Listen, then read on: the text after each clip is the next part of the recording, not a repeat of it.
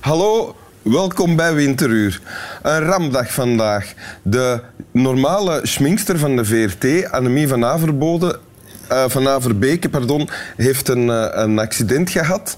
Eh, de familieleden van Annemie het wordt vooraf opgenomen, dus die weten ondertussen al wel dat het eh, in orde komt, hoop ik. Maar ze bloeden uit haar neus. Dan, dan hebben we gauw gauw een andere schminkster gebeld, Winke Walschap, ook een topschminkster, die in de buurt aan het werk was. Die rijdt naar hier en heeft ook een accident met een eh, taxichauffeur, en een Indiër. Eh, Fikri El Azouzi is mijn gast vandaag en die was hier gisteren ook al, want die, was, die had zich vandaag vergist. Dus ja...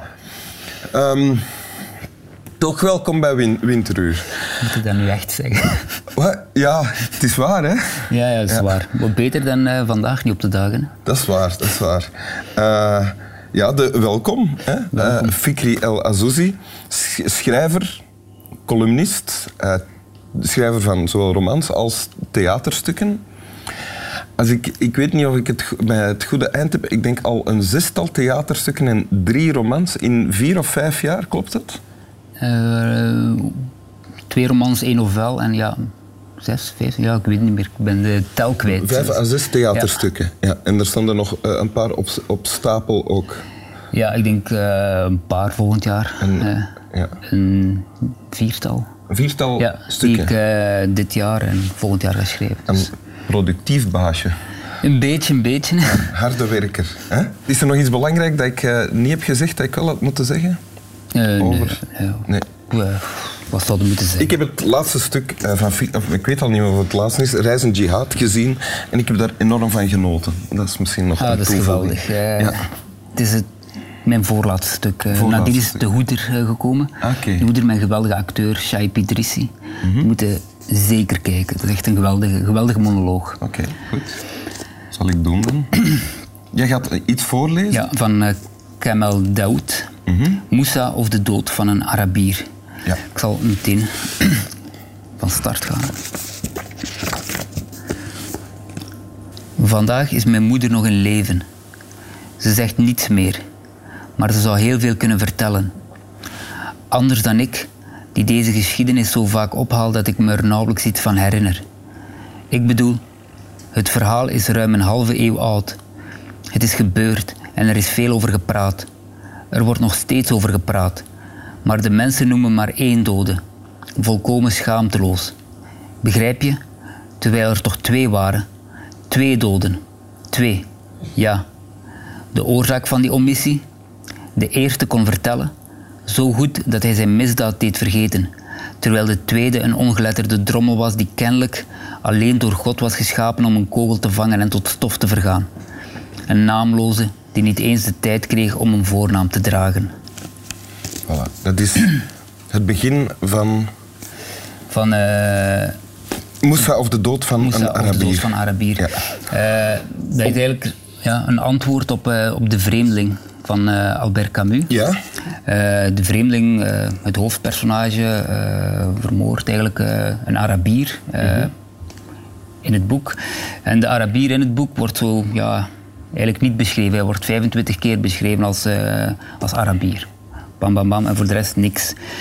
En eh, Kamal Daoud eh, heeft daar een antwoord op gegeven vanuit het standpunt van de Arabier. De broer van de Arabier vertelt het verhaal van de vermoorde Arabier. Ja. Wat de twee doden eh, waarover sprak in dit stukje, dat, dat zijn die Arabier en dan de vreemdeling zelf, die uiteindelijk wordt terechtgesteld. Ja. Eh, en ter dood veroordeeld en over wie het de hele tijd gaat. Ja. Maar de Arabier die is vermoord door Ja. de vreemdeling, daarover wordt eigenlijk in het boek niks, niks gezegd. Nee, nee Arabier is eigenlijk min of meer een, een passant, een figurant eh, in het boek. En dat is ook een beetje metafoor naar, naar de vreemdelingen van hier, de, de allochtonen van hier. Metafoor bijvoorbeeld naar, naar Boris, die dat er hier de hele tijd staat. Er wordt altijd over hem ge- gepraat, maar nooit niet door hem. En dat kun je ook vergelijken met de vreemdeling. Er wordt altijd over de vreemdeling gepraat, maar nooit door hem. En af en toe krijgt eh, de vreemdeling of Boris een paternalistische aai. En nu weet ik niet meer wat ik moet doen. Ja, Hoe moet ik me nu nog gedragen? Jij mocht die wel aaien. Ah, maar... Ja, paternalisme. Nee, Tegenover eh, honden is paternalisme toegestaan. toch? De metafoor, maar, maar, nu mag het wel. Ja. Dus jij bent een goede man, maar de rest niet. Omdat... Nee, nee, ça va. okay. nee, ik vond dat een mooi, mooie metafoor, een mooi beeld, omdat ik, was een hele ah, ik ben een hele grote fan van, uh, van De Vreemdeling van Albert Camus. Ja, je hebt dat boek gelezen. Ja, ja ik vond dat een fantastisch boek. Uh, en Nog dit... voor je hiervan wist ja, waarschijnlijk. Ja. ja, en ik heb er nooit bij stilgestaan uh, dat de Arabier eigenlijk gewoon een passant was. Dat hij gewoon ah, gebruikt wordt. Dat is om, dus het idee van, zeg, die Arabier is hier doodgeschoten en wordt verder nooit iets over gezegd over een Arabier, was bij jou niet aanwezig nee, was... tot je dit boek... Ja, dan had ik zoiets van, fuck, waarom heb ik daar niet op gelet? omdat ja, Ben je dan met terugwerkende kracht ook weet ik wat, verontwaardigd geworden of kwaad? Ja, op mezelf. Van waar, waarom heb ik dat niet do doorgehad? Allee, je kunt niet, niet alles doorhebben, omdat de vreemdeling is heel goed, zo goed geschreven en dergelijke. Maar ja, ik was een beetje kwaad op mezelf. Maar savaille, kwaad zijn is goed. Dat, dat pept op. Hè. Is dat zo? Ja, dat maakt je soms ook sympathiek. Weet je nog, toen dat, uh, na, na, reizen, reizen jihad hadden we, hadden we een gesprek. Uh, Bij twee? Ja. ja. Ik, ik weet niet, je, je had zo'n appelkersensapje voor mij gehaald en je dronk... Uh, ik weet niet wat je dronk. En ik sprak over, over, over een type waar ik mee samenwerkte.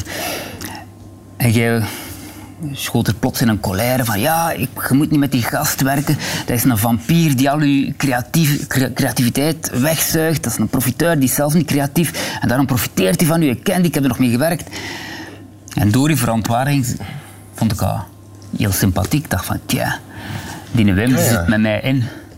Terwijl dat jij zo, nadien had jij, zei tegen mij van, ik, was, als, als ik, ik, herinner mij uh, wat er toen gebeurde, dat als een soort steekvlam mijn kwaadheid mij een beetje overnam. Ja, ja. En, dat ik, uh, ja. en dat ik me daarover schaamde nadien. Ja, jij zegt, nee, je moet je daar niet over schamen. Nee, want je zegt nog tegen mij van, oh nee, zo ben ik niet normaal. Uh, heb ik niet, niet zoiets, maar ik had zoiets van, ja, die zit met mij in en die, die weet dat er ook in de kunstenwereld vampieren zijn hè, die gewoon profiteren en allemaal kwaadheid op zich is gewoon iets dat er is.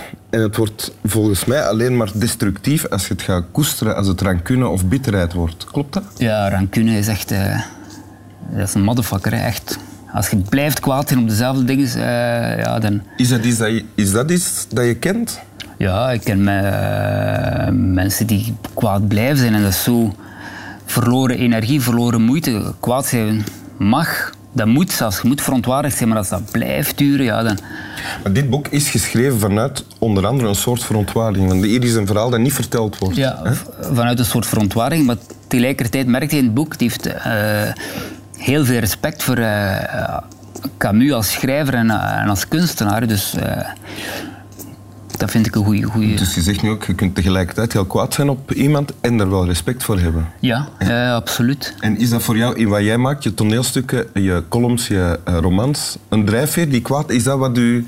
Ja, ja absoluut kwaadheid, maar tegelijkertijd... Uh, uh, een soort van respect en begrip. Zo, waarom dat mensen bepaalde dingen doen. Jezelf proberen empathisch te verplaatsen. Hè. En dan kun je, want zo gewoon blinde kwaadheid Allee, dat is zinloos. Terwijl ik wel... Ja, ik ben heel pro, uh, pro satire, pro scherpe columns, scherpe, scherpe, scherpe opinies, uh, meningen, et cetera. Voor mij moet dat kunnen hè, en dergelijke. Maar het moet altijd mijn zekere, een zekere doel, doel zijn. Ja. En wat is dat doel dan?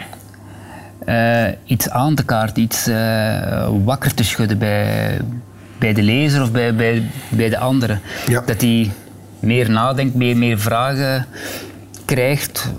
Antwoorden hoeft niet. Ja. Maar dus uh, antwoorden gaat toch meestal die, die gaan er toch meestal niet komen. En, op, en dit boek heeft dat ook gedaan voor jou? Ja. Oké. Okay. gaf geen uh, antwoord voor mij, maar heeft mij wel uh, doen nadenken, vragen, vragen doen stellen en ook mij laten reflecteren hoe dat ik bijvoorbeeld De Vreemdeling las toen. Hè. Heb je De Vreemdeling nog opnieuw gelezen? Nee, nee, maar ik ben dat wel van plan. Ik wil. De Vreemdeling nog eens lezen en ik wil dit boek nog eens voor een eh, tweede keer lezen. Oké. Wil je het voor ons nog een tweede keer voorlezen, het begin van het boek dan? Dan luisteren wij een eh, arme Boris die nooit een stem krijgt. Maar hij blaft zelfs niet. Nee, nee. Als hij zelf ook niet wil blaffen. Enfin, ja. Vandaag is mijn moeder nog in leven. Ze zegt niets meer. Maar ze zou heel veel kunnen vertellen. Anders dan ik, die deze geschiedenis zo vaak ophaalt dat ik me er nauwelijks iets van herinner. Ik bedoel, het verhaal is ruim een halve eeuw oud. Het is gebeurd en er is veel over gepraat. Er wordt nog steeds over gepraat. Maar de mensen noemen maar één dode. Volkomen schaamteloos. Begrijp je? Terwijl er toch twee waren. Twee doden. Twee. Ja. De oorzaak van die omissie? De eerste kon vertellen. Zo goed dat hij zijn misdaad deed vergeten. Terwijl de tweede een ongeletterde drommel was die kennelijk alleen door God was geschapen. Om een kogel te vangen en tot stof te vergaan. Een naamloze die niet eens de tijd kreeg om een voornaam te dragen. Alsjeblieft. Dank je. Is voor u. Slap wel.